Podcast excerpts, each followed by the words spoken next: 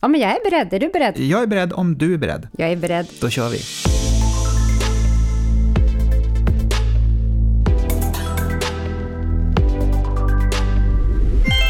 Hej och välkomna till Hållbara Bibblan, en podd om bibliotekens arbete med de globala målen. Jag heter Therese Raimond och vid tekniken har jag Kjell Eriksson. Och jag har idag postat en mikrofon till Näve Kvarn. Perfekt. Kopplar du upp våran gäst då? Det gör jag nu. Idag ska vi prata om biblioteken i en cirkulär ekonomi och Kjell kopplade precis upp Mona Karila. Vem är du? Ja, jag heter Mona Karila och är till vardags verksamhetsutvecklare på Region Sörmland. Nu ska vi prata om cirkulär ekonomi. Så jag måste börja med att fråga dig, vad är det? Jag tror att ni skulle få många svar beroende på vem du frågar, men jag tänker att från början tänkte man nog att cirkulär ekonomi, det handlar om en rad materialflöden som man inte vill ha linjära längre, utan man vill att de ska kunna gå in i ett kretslopp gång på gång på gång, som, en, som ett cirkulärt användande av de här materialen, så att det inte blir skräp första gången de har kommit till nytta någonstans, utan kan få ett längre liv helt enkelt.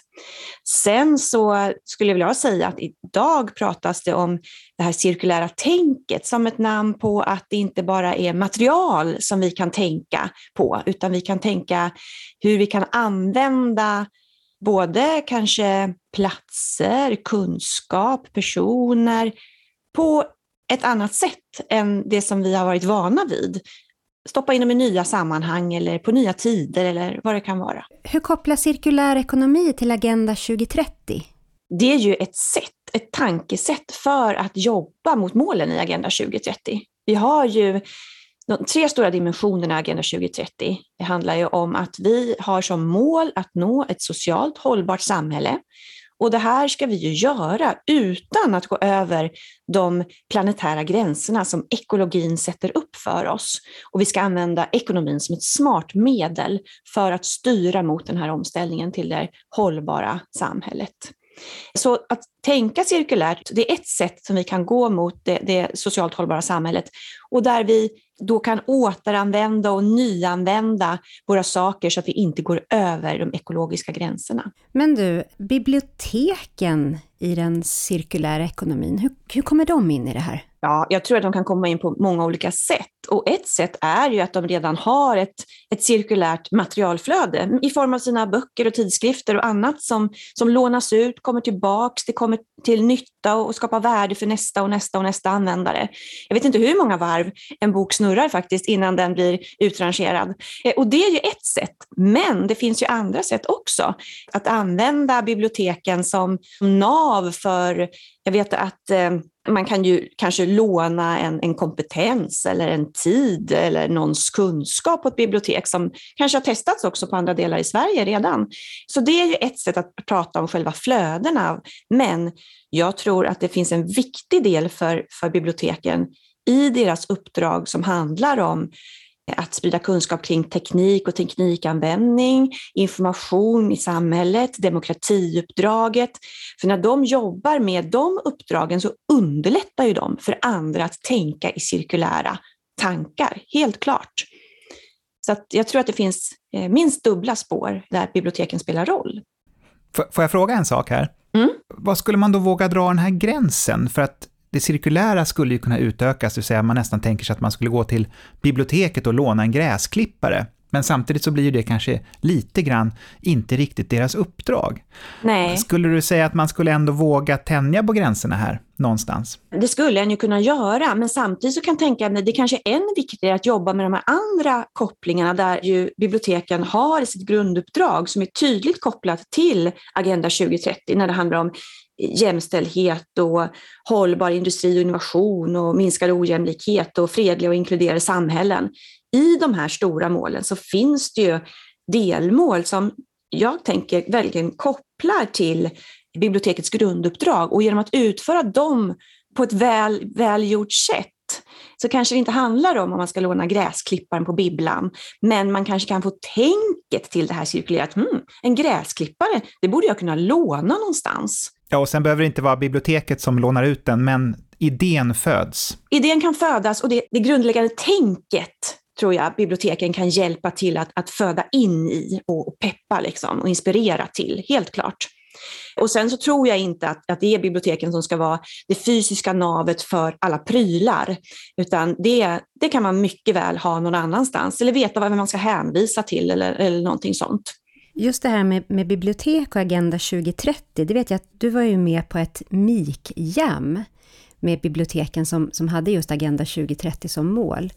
På vilket sätt skulle du säga att ett sånt här MIK-jam kan vara bra för cirkulär ekonomi? Dels så tycker jag att det är bra för att få upp eh, ett mer divergent tänk, alltså ett mer öppet tänk kring hur vi kan prata om cirkularitet, för att kanske få in den här idén också om att det inte bara handlar om att göra det här cirkulära flödet, utan också lägga grunden för tänket, inspirera till. Så ett, ett, ett MIK-jam, det som jag var med på, det var ju baserat på en, en designprocess som just har de här delarna i sig naturligt i processen att man öppnar upp, vågar ta in massor med olika andra synpunkter i, i sin undersökande fas för att sen liksom, hmm, inspireras och få idéer. Prata med olika personer som finns i vårt samhälle för att låta sig inspireras innan man sen så småningom i processen kommer fram till att men den här lösningen vill vi testa. Kan det här vara någonting vi kan prova på vårt bibliotek eller våra bibliotek? Hur man nu ser det. Så jag tycker att MIK-jammet kopplar till att stärka genomförandet av Agenda 2030. Och sen tycker jag att MIK-jammet i sig med den utformningen och den designbaserade processen verkligen bidrar till att vi använder våra resurser, våra finansiella men även kunskapsresurser på ett smart sätt. För den här processen går ju ut på att vi verkligen förstår problemet. För det är ju det vi ska lösa och inte något, något som vi tror är problemet så att säga i samhället. Och när vi sen kommer på en idé till en lösning, då testar vi den. Det ingår i den här designprocessen, att testa den i verkligheten för att se, sköt vi rätt nu då? Är det någon som är intresserad av den här lösningen vi har kommit på? Ja, det är det. Eller nästan. Ja, då skruvar vi på den ett varv till. Och det är ju ett sätt att veta att vi angriper rätt sak och att vi hittar en lösning, en tjänst som kan tas emot. För det är först då vi skapar värde faktiskt. Så att göra rätt saker, att det är också en del av Agenda 2030? Jag skulle säga det, eftersom vi ska använda ekonomin, och med ekonomi finns ju en rad resurser i ekonomin, och använda dem som ett, på ett smart sätt för att gå mot omställning. Det tycker jag är i Agenda 2030s anda. Absolut. Och vi vet ju också att vi har ju It's time to deliver. Vi har kommit till decade of delivery inom Agenda 2030. Och då behöver vi också den här typen av processer för att kunna tänka annorlunda mot vad vi gjort alltid tidigare. För att det räcker inte med att vi bara förbättrar det vi har gjort. Vi behöver ta lite skutt. Liksom. Vi måste jobba på ett mer innovativt sätt för att faktiskt kunna lösa våra samhällsproblem tillsammans. Och biblioteken är ju en viktig del av det med en fantastisk träffyta mot, mot många invånare som använder det här. Och jag tänker då att, jag brukar säga att if you plant corn, you're gonna get corn. Vill vi inte ha mer majs, vi vill ha någon annan utveckling i vårt samhälle, då kan vi inte fortsätta jobba med att stoppa ner bara fler majskorn i marken. Då kanske det är ekollon vi måste skapa för att få den här ekbacken vi förväntar oss. Så jag tycker det också är ett sätt att tänka Agenda 2030, att använda våra resurser väl på det här sättet. Man kan ju känna sig ganska liten ändå, om man kanske är bibliotekarie på ett bibliotek och det är mycket som händer i ens vardag som man måste sköta. Och sen så kommer de här fina härliga orden, cirkulär ekonomi till exempel, in i ens vardag. Vad, vad kan man starta? Hur kan man börja? För det känns ju ändå som en väldigt stor process för den, den lilla människan. Jag tror att, att som medarbetare på ett bibliotek så, så, tror jag definitivt att man kan titta på, på de grunduppdragen som biblioteket har. För där finns jättefina kopplingar. Jag nämnde lite översiktligt alldeles nyss till Agenda 2030, men det finns ju mål 5b som handlar om att stärka kvinnors roll med hjälp av teknik. Det tycker jag, om man läser det delmålet, så är det precis det som biblioteken gör och fortsätter göra. Och sen tillgång till informations och kommunikationsteknik för alla, som är 9C. Det finns ju jättefina beröringspunkter med agendan och bibliotekens verksamhet. Sen tänker jag att man ska inte nöja sig som biblioteksmedarbetare och tänka, ja men det där gör vi redan, utan det där gör vi, hur kan vi skruva upp det ännu mer så att vi kan leverera så vi hinner till 2030. Agendan är ju lite skriven också så att man när man bryter ner de här små, små delmålen, då kan man verkligen hitta någonting litet som man skulle kunna engagera sig i och nöja sig med det och ta sig framåt med just det målet ju. Jag tror att man kan göra det och sen så ska man ju förstå också att, att alla de här målen i agendan, de sitter ju ihop. Så händer det något i ett mål, det är klart det påverkar andra mål. Positivt ofta, men man får vara vaksam också så att hmm, om jag jobbar på det här sättet stenhårt, finns det någon negativ påverkan på de andra målen och hur vill jag hantera det i så fall, eller hur kan vi hantera det? Så jag, jag skulle vilja tipsa om att titta på agendan, men inte bara på huvudmålen, utan kika på, på delmålsnivån. För det är de som ger oss de största ledtrådarna hur vi kan jobba vidare, tänker jag. Jag tänkte här att vi skulle ta och ringa upp Jenny Lagerlund som jobbar på Biblioteksutveckling Sörmland. Ja, det kan vi ordna. Ah. Ja. Jenny Lagerlund. Hej Jenny! Det är podden Hållbara Bibblan som ringer. Nej men hej! Du har hamnat i en podd. Ja, bara sådär. Jenny Lagerlund, vem är du? Jag jobbar med kommunikation på Biblioteksutveckling Sörmland. Vi sitter här och pratar om biblioteken i en cirkulär ekonomi och då funderar jag på vad är, vad är dina tankar kring hur biblioteken kan jobba med Agenda 2030?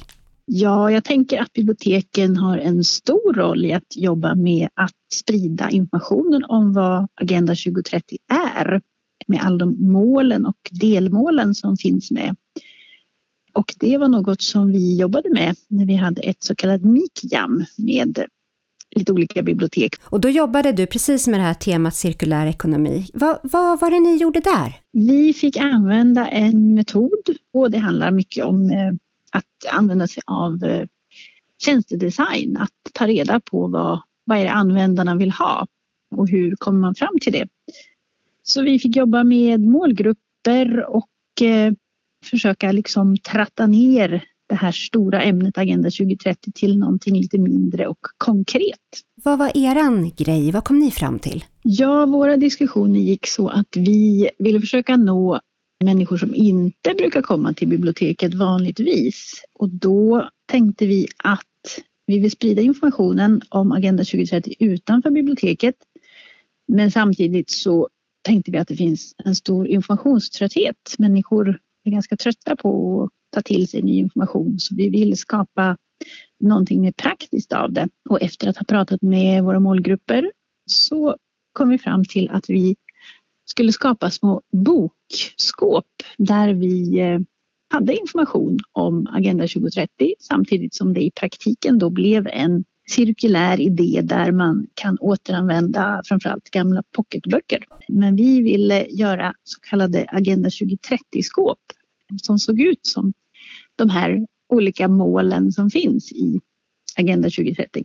Så man fick både böcker och information. Vi ville mer skapa en, en möjlighet för, för människor att, eh, att få byta böcker samtidigt som de fick information om de globala målen. Så om jag ser de här skåpen framför mig, ser de ut som de här typiska färgerna som Agenda 2030 har? Ja, det var lite tanken, men sen kom vi på att det skulle nog vara kul om människor fick välja själva hur de ville pimpa sitt skåp så att vi tror att de kanske skulle komma att se ut lite hur som helst faktiskt. Vad tror du mer att biblioteken kan göra just när det gäller cirkulär ekonomi? Ja, det finns ju mycket som biblioteken kan göra och har provat på att ha olika typer av eh, klädbytardagar och så vidare och använda sig av bibliotekets lokaler, att man kan komma dit och låna verktyg och så vidare.